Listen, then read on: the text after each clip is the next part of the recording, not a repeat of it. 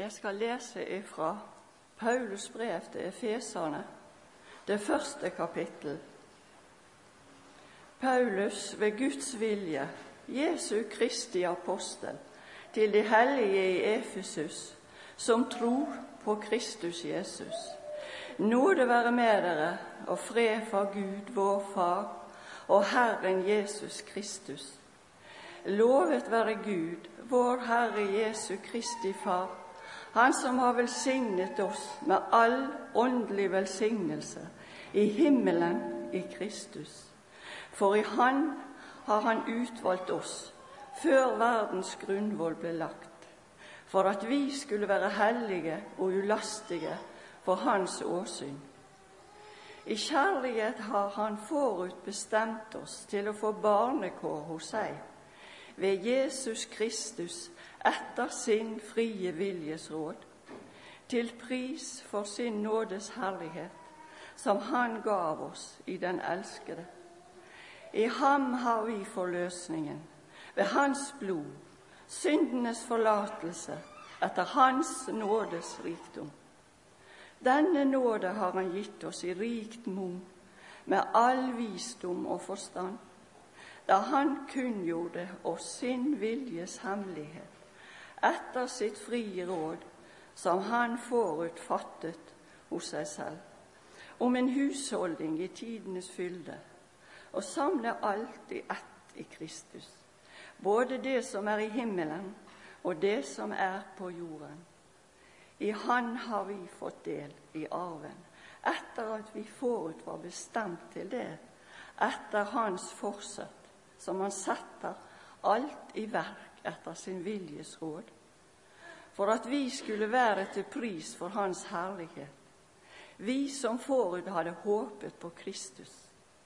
I ham har også dere, da dere fikk høre sannhetens ord, evangeliet om deres, om deres frelse, ja, til Han har også dere, da dere kom til troen, fått til innseg Den hellige ånd som var lovet.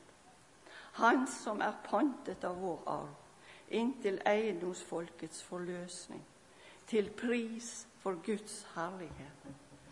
Derfor, etter at jeg har hørt om deres tro på Herren Jesus, og om deres kjærlighet til alle de hellige, holder jeg opp, ikke opp med å takke Gud for dere når jeg minnes dere i mine bønner. Jeg ber om at vår Herre Jesu Kristi Gud, Herlighetens Far, må gi dere visdom og åpenbaringsånd til kunnskap om seg, og gi deres hjerter opplyste øyne, så dere kan forstå hvilket håp Han har kalt dere til, hvor rik på herlighet Hans arv er blant de hellige, og hvor overveldende stor Hans makt er for oss som tror, etter virksomheten av Hans veldige kraft. Det var denne han viste på Kristus da han reiste han opp fra de døde og satte han ved sin høyre hånd i himmelen, over all makt og myndighet, over all velde og herredømme, og over hvert navn som nevnes, ikke bare i denne verden, men også i den kommende. Alt la han under hans føtter og gav han som hode over alle ting til menigheten som er hans legeme, fylt av ham som fyller alt i alle. Herre, vi takker deg for um, ditt ord. Og vi takker deg fordi vi skal få lov til å gå stille inn i et rom, i et uh, kapittel i, i din bok, Herre, og være der. Jeg har lyst be om at vi skal bli forvandla ved å være der. Når vi kommer ut igjen, Herre, så um, har vi med oss noe vi ikke hadde før. Det kan bare skje ved at du, gode Hellige Ånd, åpenbarer for oss noe fra din verden. La det skje. Amen. I ca. år 51 etter Kristus så la der en båt til kai i Efesus. Der var bl.a. Paulus. Han var på vei på retur fra sin andre misjonsreise. Da han bl.a. hadde hatt planer om å fare til Efesus, men han kom ikke dit. Han fikk et syn som vi hørte om, der han hørte 'Kom over til Makedonia og hjelp oss'. Og det gjorde han. Han for over til Europa, og på vei tilbake nå så er han på et skip. og Så legger dette skipet til havn i Efesos. Og mens skipet laster og losser banan og krydder, jeg vet ikke hva, så tar Paulus seg en tur eh, på land, og så går han litt rundt. Og Der kan vi lese at han bl.a. i apostelgjerninga 18 så kommer han i samtale med noen jøder. Og De jødene ble så begeistra over det som Paulus fortalte dem, at de sa 'vær hos oss'. Bli noen dager, bli noen uker eller bli noen år. for den del. Men han sa at han kunne ikke være akkurat nå. Men så sier han i apostelgjerningen 1821.: Om Gud vil, skal jeg komme tilbake til dere. Og Gud, han ville. Etter et kort heimeopphold så rusla Paulus tilbake oppover i Galatia og enda i Efesos. Og han var der i tre år og underviste dem.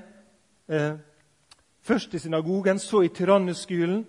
Og så forlot han dem med tårer og smerte. Apostelgjerningene 19 og 20 kan dere lese om livet i Efesos. Dere kan lese om avskjeden i Efesos, kan lese om smertene som han hadde. Og så forlot han dem, og så sitter han noen år seinere og så skriver han et brev til dem.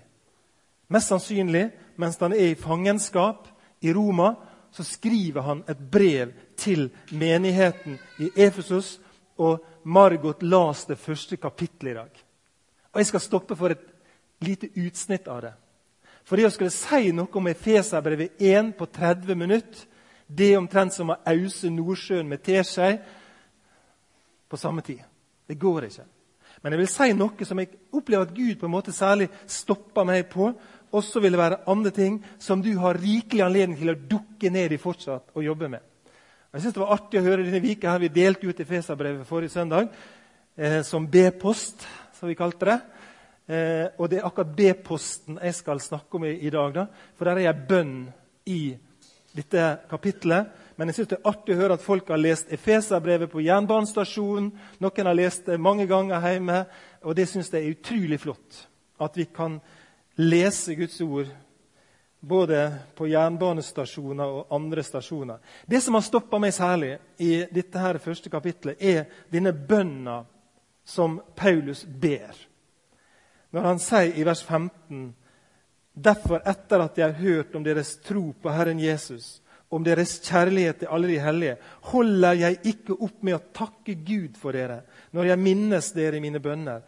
Og jeg ber om at vår Herre Jesu Kristi Gud, herlighetens Far, må få gi dere visdoms- og åpenbaringsånd til kunnskap om seg, og gi deres hjerter opplyste øyne, så dere kan forstå hvilket håp han har kalt dere til, hvor rik på herlighet hans er arv er blant de hellige, og hvor overveldende stor hans makt er for oss som tror, etter virksomheten av hans veldige kraft. Der stopper jeg. Det er mulig at det er, jeg vet ikke om jeg tar feil, men jeg tror ikke det er feil å si det heller. Jeg tror at denne bønnen her er en av de viktigste bønnene i Bibelen. Fordi den handler om noe helt grunnleggende som eh, Paulus ønsker skal skje hos de som leser. Og det er helt grunnleggende bønn. Det at vi skal få eh, åpenbaring om kunnskapen om Gud. Det at hjertene våre skal bli opplyste hjerte, eh, eller øynene i hjertet vårt skal bli opplyste, slik at vi ser det håpet vi har, ser hva vi er kalt til. Jeg tror det er en av de viktigste bønnene. Og det er en nøkkel til at det kan skje. Så langt jeg kan skjønne, så må nøkkelen ligge i 1. Korinterbrev 2. Til at dette kan skje. Fordi, hør, jeg kan ikke i dag stå her og representere på en måte visdommen og åpenbaringens ånd. Det er ikke meg. Jeg kan si noe om Gud, men det er, det er kun Den hellige ånd som kan åpenbare for oss Guds ord. Det er kun Den hellige ånd som kan åpenbare eh, kunnskapen om Gud og dybden i Gud. Og Det står i, i 1. Korinter 2,10.: For oss har Gud åpenbart det ved sin ånd. For Ånden, altså Den hellige ånd, utforsker alle ting, også dybdene i Gud. Det går an å lese Efeserbrevet 1 100 ganger uten utbytte. Det går an. Det er mulig å lese det uten utbytte. Det er mulig å lese Efeserbrevet 1 uten at det gir gjenklang i oss. Men det skjer en gjenklang i det øyeblikket Den hellige ånd har fått åpenbart for oss at dette gjelder oss. Dette har jeg del i.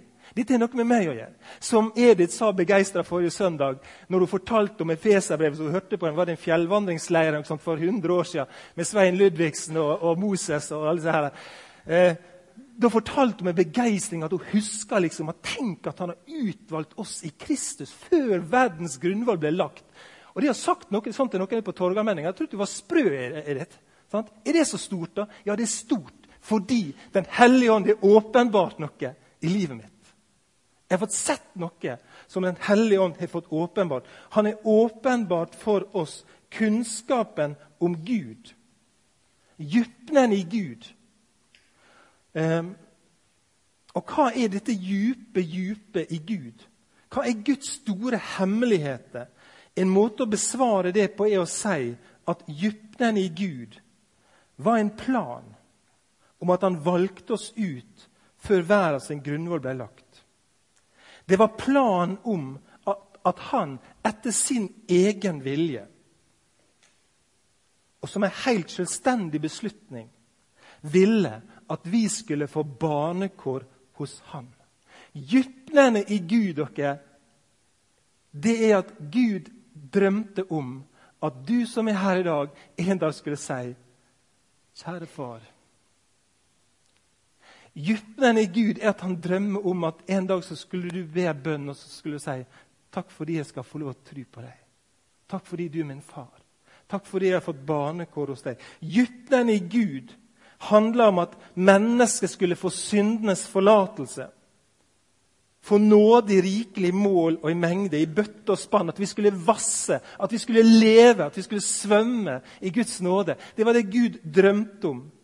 På djupet hos Gud så drømte han om å se for seg mennesket hellige, rene, rettferdige og få en arv i himmelen. Det var Guds drøm. Det var Guds hemmelighet. Det var dybdene i oss hemmelighet.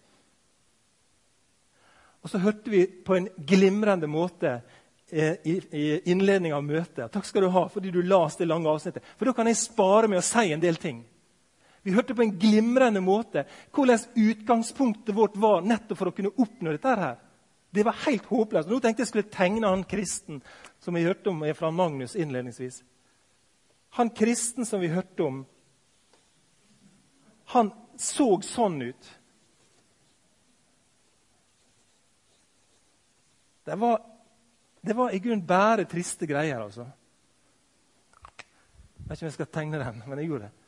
Eh, det som han Magnus las, handla om at drømmen til Gud om at vi skulle være hellige, rene og rettferdige, eh, det et, hadde et utrolig dårlig utgangspunkt. Et umulig utgangspunkt. Vi hadde ingenting å bidra med i forhold til at dette skulle skje. Og så veit dere hvordan Gud ordna det. Og Det er jo det som er så flott å kunne snakke om i formiddag. Det er det hele saken handler om.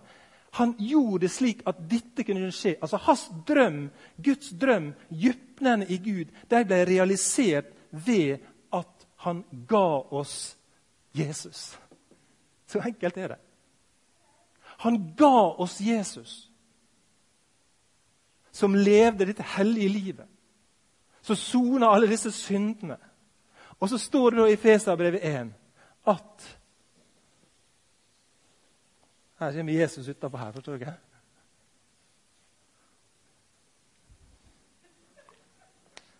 Så ga han oss Jesus, og så sier han når dere flytter inn i Han Er dere med? Da går Guds drøm i oppfyllelse. Da går Guds drøm i oppfyllelse. Dybden i Gud, kunnskapen Djupt nede i Gud der lå der en drøm om at vi skulle stå for Han, rene og rettferdige. Og vi hadde et umulig utgangspunkt, og så gir han oss Jesus. Jeg har bare lyst til å si det kort, og Du kan grunde på det i timevis og dagevis og årevis. og Du kan ause ut av det her så, så lenge du lever og ikke kom til bunns i det. Men det er ei gåte for oss. Og det er det at Gud sier i det øyeblikket du tar imot Jesus og sånn som Paulus skriver innledningsvis De kristne, de som tror på Jesus, de er hellige. I det øyeblikket du tar imot ham og tror på ham, så flytter du med alt ditt inn i Kristus Jesus. Og der er du. I Han. Så er du hellig og rettferdig og ren. Og du har del i en arv. O Jesus, åpne du mitt øye, at jeg får se hvor rik er. Jeg har tenkt det, at Efeserbrevet er ei kontoutskrift over min åndelige rikdom. I går kveld så kom jeg til det helt feil. Det er ikke ei kontoutskrift. For Han har ikke gitt oss bare en konto. Gud har gitt oss hele banken. Han ga oss Jesus. Og så flytter vi inn i han. Og Så er det ikke bare noen enkle punkt i en enkel kontoutskrift. Men det handler om at vi har fått del i alt med Kristus. Og så kan vi djupe, grave djupt i det til vi blir gamle. Og vi klarer ennå ikke å utgrunne det helt. Det er et mysterium. Og hvis dette her skal gå opp for oss, dere, så kan vi ikke klare det av oss sjøl. Men det er der Den hellige ånd utgransker djupnene i kunnskapen om Gud. Og så tar han av Guds og Så sier Jesus det på en litt annen måte at han skal forherlige meg. sier Han Han tar av mitt, og så gir han til dere. Og så herliger han meg iblant dere. Det er Den hellige ånds oppgave. Og på et eller annet tidspunkt så gikk dette opp for meg, og jeg skjønte det. Det øyet ikke så, og det øret ikke hørte, og det som ikke oppkom i noe mennesketanke, det var det Gud gjorde. Og det er det Efeserbrevet 1 handler om. At den som tror på Han, den som står der med sine filler og med sin smerte Du kan være her i dag, du som kjenner på din utilstrekkelighet. Og du kjenner på dine filler, som vi hørte om. Så kan du få lov å vite det. Idet du bekjenner Jesu navn, så flytter du inn i noe som er helt helt fullkomment. Der skal du få lov å være. Der skal du få lov å hvile med hele deg og hele ditt liv. Og være der i Kristus. Og Så ber han da om at eh, det må bli åpenbart for oss ved sin ånd. Denne kunnskapen om Gud. Og så ber han om at hjertet må få opplyste øyne og Det er jo et annet bilde. Å gi deres hjerter opplyste, opplyste øyne, så dere kan forstå hvilket håp han har kalt dere til. Denne bønna her den henger sammen med kunnskapen om Gud. Og Paulus ber om tre ting for deg og meg. Tre ting ber han om skal skje. For det første at vi skal forstå hvilket håp han har kalt oss til. Det heter at lottomillionærer er ikke som andre millionærer. Hvis vi skriver om det litt, så kan vi si det kristne håpet er ikke som andre håp. Jeg kan håpe på at det blir fint vær i dag. Men jeg veit ikke. Eller det vil si, jeg veit det. Det blir ikke det. Men jeg har et håp som er annerledes. Det håpet som Gud har gitt oss. Vi er kalt til et håp som Bibelen omtaler som levende. og Peter skriver om det i 1. Peters brev, vi bruker det ofte og siterer det ofte. Lovet være Gud, vår Herre Jesu Kristi Far, som etter sin store miskunn har gjenfødt oss til et levende håp 1. Peter 1,3. Levende håp ved Jesu Kristi oppstandelse fra de døde. Det skjedde noe en gang i historien. Det skjedde en oppstandelse, og det handler om Jesus, det også. Og når han sto opp igjen, så fødtes det det levende håpet. Guds drøm den ble stadfesta endelig. Det vil skje. det som han drømte om. Et levende håp. Og Det er egentlig umulig for oss å forstå, men Paulus ber om at vi må skjønne og forstå noe av det. At vi skal få lov til å leve med et annet type håp, slik som Jeremia sier i 29,11 også. Der han sier noe om hva tanker Gud har. Det er fredstanker. Det er ikke tanker til ulykke. Jeg vil gi dere fremtid og håp. Og han fortsetter å be om at vi skal forstå hvor rik på herlighet hans arv er blant de hellige. Vi hørte det innledningsvis. Det var den arven som kristen skulle gå imot. Framme ved det lyset så skulle han gå imot denne arven. Og Bibelen taler om at vi skal arve noe. Det er en arv som er i vente, som er rik på herlighet. Og det er Gud som har bestemt det. Dere skal få arve meg, sier han. Dere skal få arve meg sammen med Kristus. I ham, står det i Feserbrevet der, i ham har vi fått del i arven. Etter at vi forut var bestemt til det, etter hans forsett, som setter alt i verk etter sin viljes råd. Gud har bestemt det. Den som tror på Jesus, kan få lov å vite det, at det, det viktigste som skjer når vi dør, er ikke at noen arver noe etter oss mange som tenker på det. Og jeg skal være ærlig og si jeg tenker på det av og til. Eh, kanskje litt. Eh, og ja, Er det flere som gjør det? Når de dør, så arver vi sånn. Altså, vi tenker på det. Men det er ikke det viktigste. Det viktigste er at når vi dør, så arver vi noe. Tenk på det, da. Det er ikke at noen skal arve noe etter oss. Men vi har en arv. Når vi dør, når vi skal møte Gud, så har vi en arv. Den kristne arven vi er Guds arvinger, sier Romerbrevet 8,17. Vi er Kristi medarvinger. Og Peter beskriver den arven med tre stikkord i 1. Peter 1,4. Tre stikkord. Han sier at den arven er uforgjengelig. Han sier at den arven er uflekka, at den er uvisnelig. For det første vi har en uforgjengelig arv. Og det er ufattelig for meg å begripe det fordi jeg lever i en forgjengelig verden der alt forgår. Sakte, men sikkert så brytes det ned.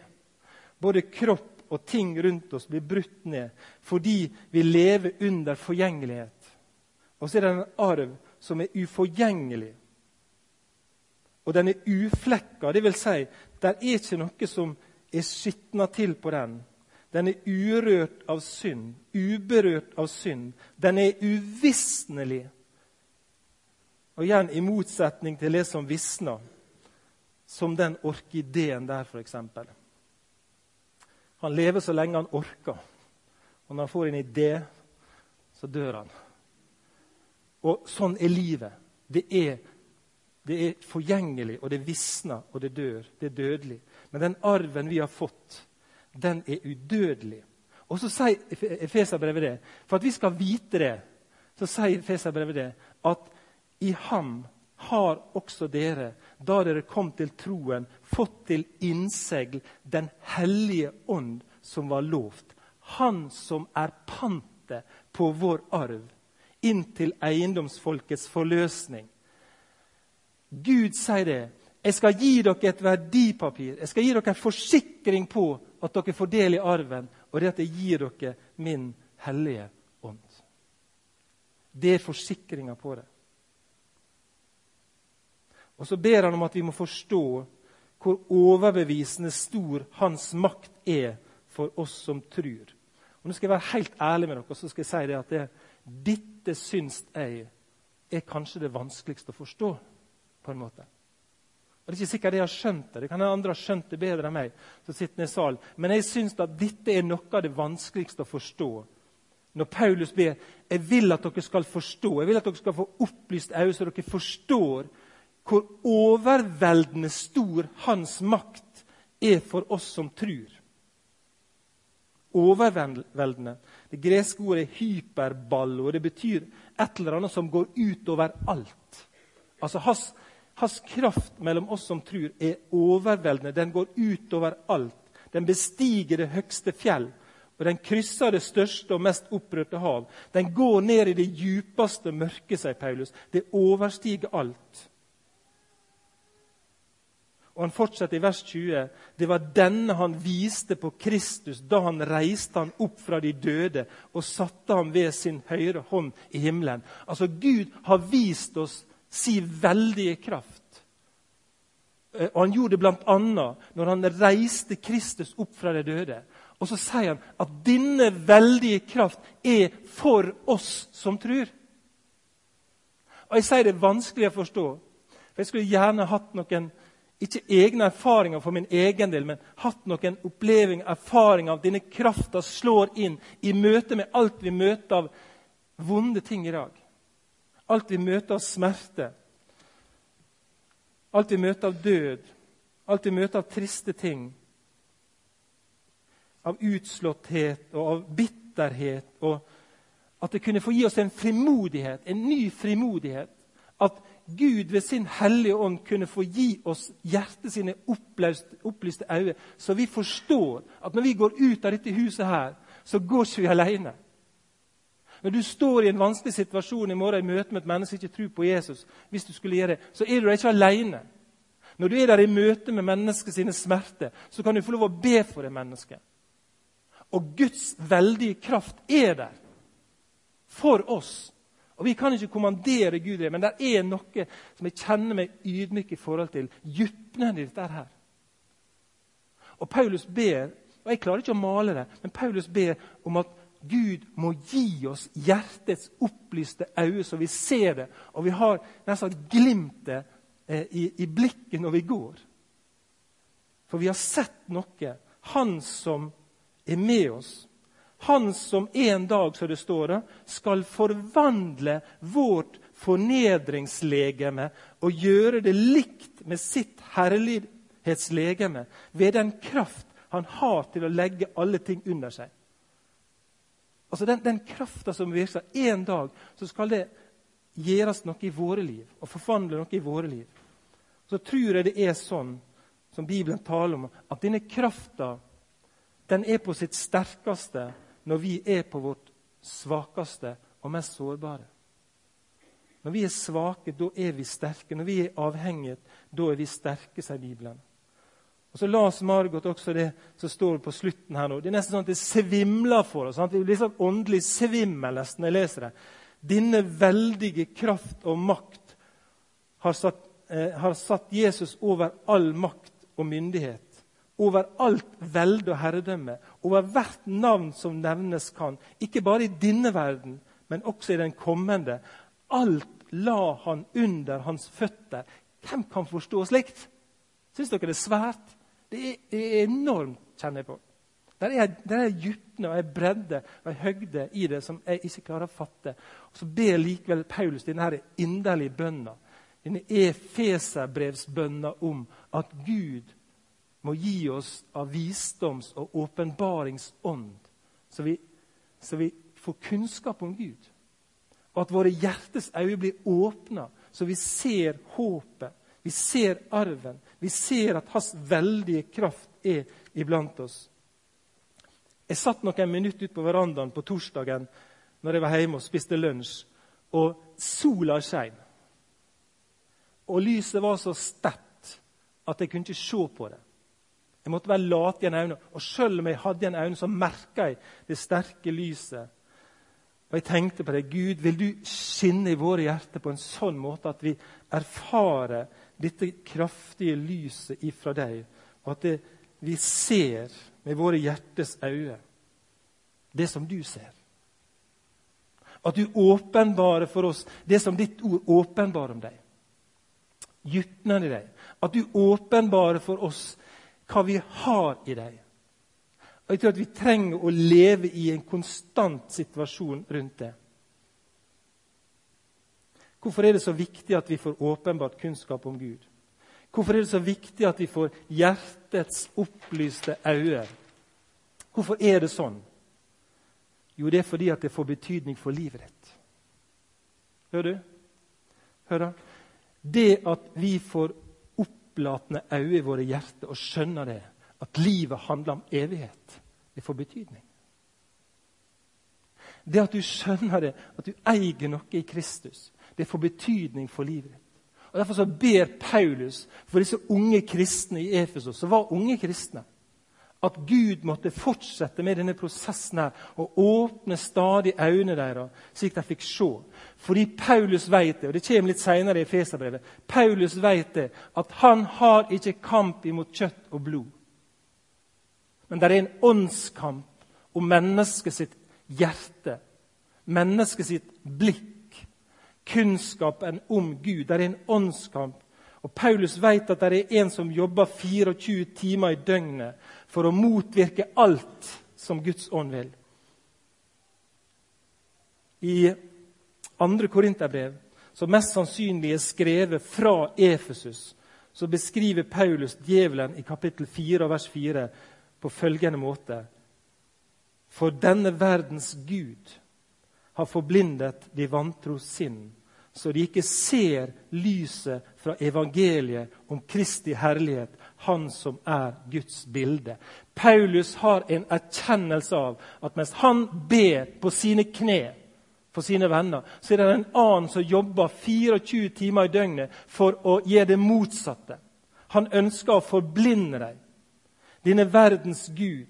Han ønsker å formørke blikket han har ikke sans for det som hører Gud til. Men han ønsker kun å gjøre det mørkt for oss, slik at vi ikke ser.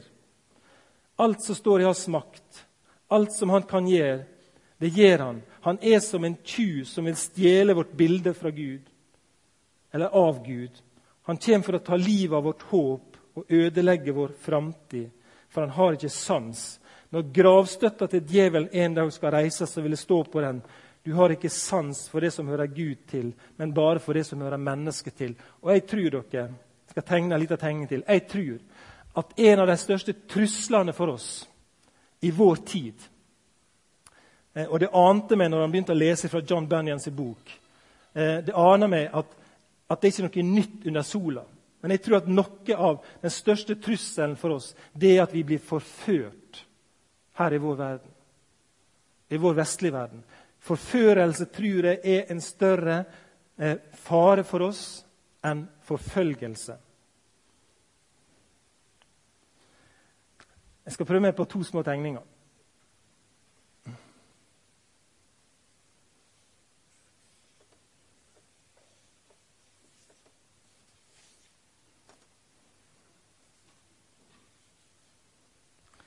Dette er en kabriolet. Jeg setter den på nett. Den ser akkurat sånn ut. Det er en BMW 3-serien. Dere som er kjent med bil, dere vet mye mer om meg om dette. Jeg har bare lest om det. Men det er en, Han ser ikke akkurat sånn ut, men det er en kabriolet-type. Og på nettet så koster den der Jeg så det i dag tidlig. bare jeg sjekka det, bare for å være sikker. 1 652 000 kroner og 900. Det koster den bilen der. Samtidig på finn.no samme butikken, holdt jeg på så fant jeg noe annet.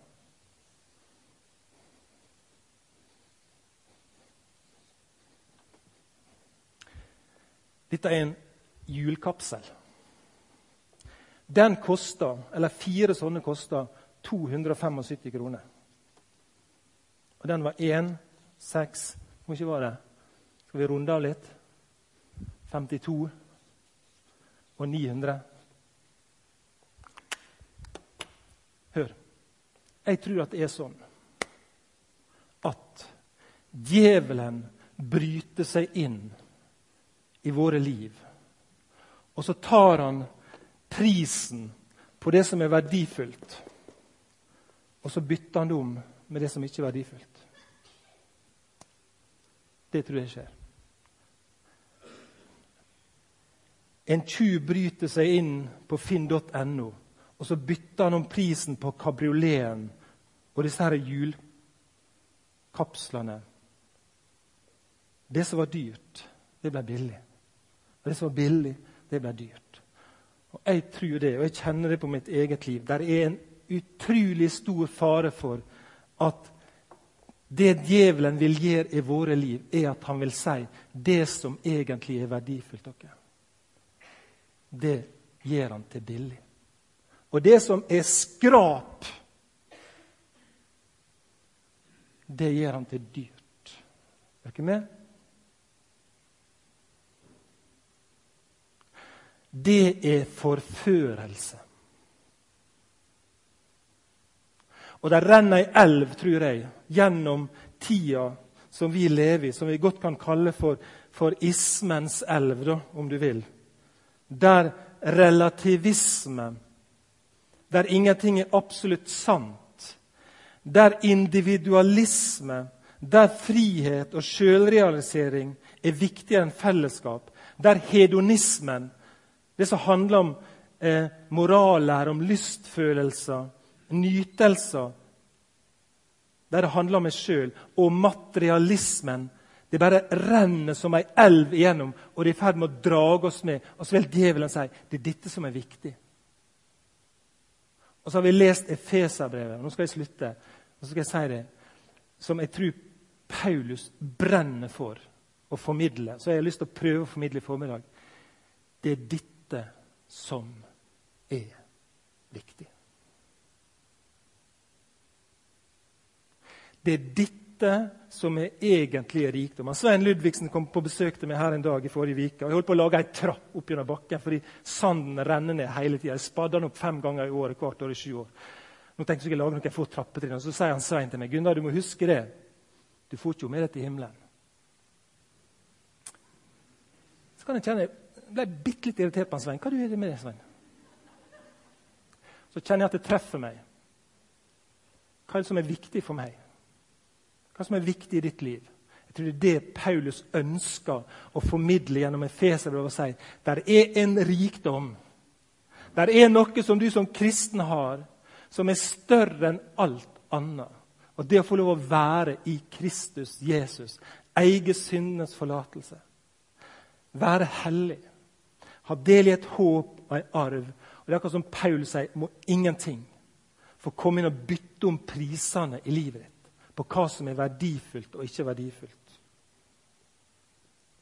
Som motstykke til forførelse så lanserer Paulus åpenbarelse av åndelige sannheter. Og Jeg har lyst til å be Herre om at vi som er skal få lov til å være våkne, Herre, i møte med det som trykker noe så inderlig på, Herre, i forhold til alle ismer som vi kan sette ord på der vi vil eh, nyte, og vi vil eh, si at det er relativt, og jeg gjør mine valg. Men så kommer ditt ord og sier det er én vei, det er én sannhet, det er én rikdom. Det er noe som er verdifullt framfor alt, og det å få være i Kristus Jesus. Herre, vil du la det få forsterke seg i våre liv, slik at det får konsekvenser for oss i forhold til liv og tjeneste og disponeringer? Jeg ber om det. Amen.